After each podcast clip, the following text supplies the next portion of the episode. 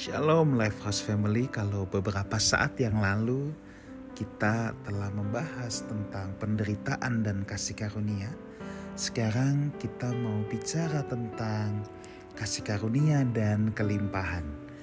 Paulus dalam Filipi 4 ayat yang ke-12 berkata demikian, Aku tahu apa itu kekurangan dan aku tahu apa itu kelimpahan dalam segala hal dan dalam segala perkara tidak ada sesuatu yang merupakan rahasia bagiku, baik dalam hal kenyang maupun dalam hal kelaparan, baik dalam hal kelimpahan maupun dalam hal kekurangan. Segala perkara dapat kutanggung di dalam Dia yang memberi kekuatan kepadaku. Saudaraku, kalau beberapa saat yang lalu saya sudah katakan kita jangan alergi terhadap penderitaan ya. Uh, sekarang kita juga mau membahas bahwa kita jangan alergi sama apa yang namanya kelimpahan saudara ya. Saudara kalau tentang penderitaan kita melihat kenapa kita menderita. Apakah karena kehendak Tuhan atau kepentingan Tuhan yang harusnya kita tidak tanggung atau karena kesalahan kita. Kalau karena kepentingan Tuhan itu adalah kasih karunia. Kalau karena kesalahan kita kita harus bertobat. Nah sekarang bagaimana dengan kelimpahan saudara? Saudaraku sejatinya bahwa hidup ini memiliki sebuah hukum saudara ya. Yaitu hukum yang Tuhan sendiri buat sebab ia yang menerbitkan matahari untuk orang baik dan orang jahat. Ia menurunkan hujan untuk orang benar dan orang tidak benar. Itulah sebabnya orang yang bekerja keras dan bekerja cerdas bisa mengalami kelimpahan dalam hidup ini. Sekalipun ia bukan orang percaya. Tetapi satu hal yang kita harus camkan ini sebagai orang percaya bahwa apabila Tuhan mempercayakan kepada kita sebuah kelimpahan saudara, sebuah kekayaan. Itu juga merupakan kasih karunia. Akan menjadi kasih karunia kalau kita bisa memanfaatkan itu untuk kepentingan Tuhan. Adalah sebuah anugerah, adalah sebuah kasih karunia.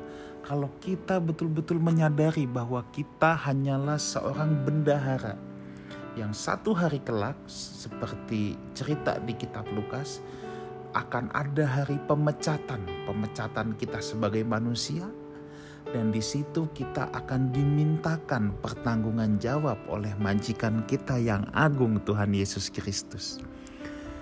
Dengan segala apa yang dipercayakan kepada kita, apa yang telah kita lakukan atas harta milik Tuhan.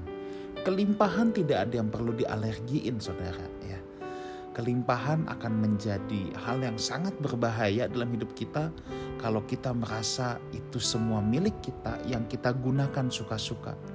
Tetapi kelimpahan menjadi kasih karunia.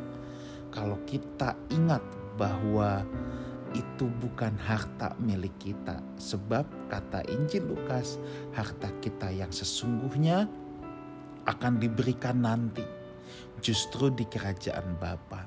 Sekarang apa pun yang kita miliki, kita tidak bisa menggenggamnya erat-erat sebab satu hari kelak saat hari pemecatan kita akan lepaskan itu. Itulah sebabnya kita nggak perlu alergi dengan penderitaan. Ada orang yang menderita karena Tuhan itu kasih karunia.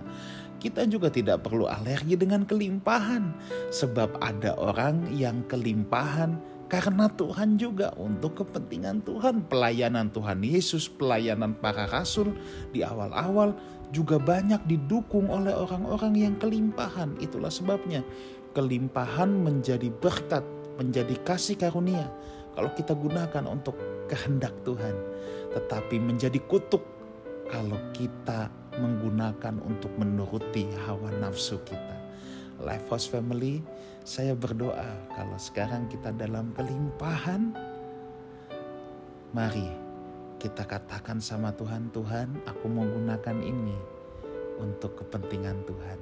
Dan pastikan kelimpahan yang saudara dapatkan bukan hasil dari mencurangi orang lain, menjahati orang lain, menipu orang lain, tetapi memang hasil dari kekuatan yang Tuhan berikan untuk saudara untuk bisa memperoleh itu semua dan mari kita gunakan untuk kepentingan Tuhan sehingga kelimpahan kekayaan kita menjadi kasih karunia, menjadi sebuah anugerah dan kita boleh bermegah di dalam Kristus oleh karenanya. Tuhan menyertai kita semua. Haleluya.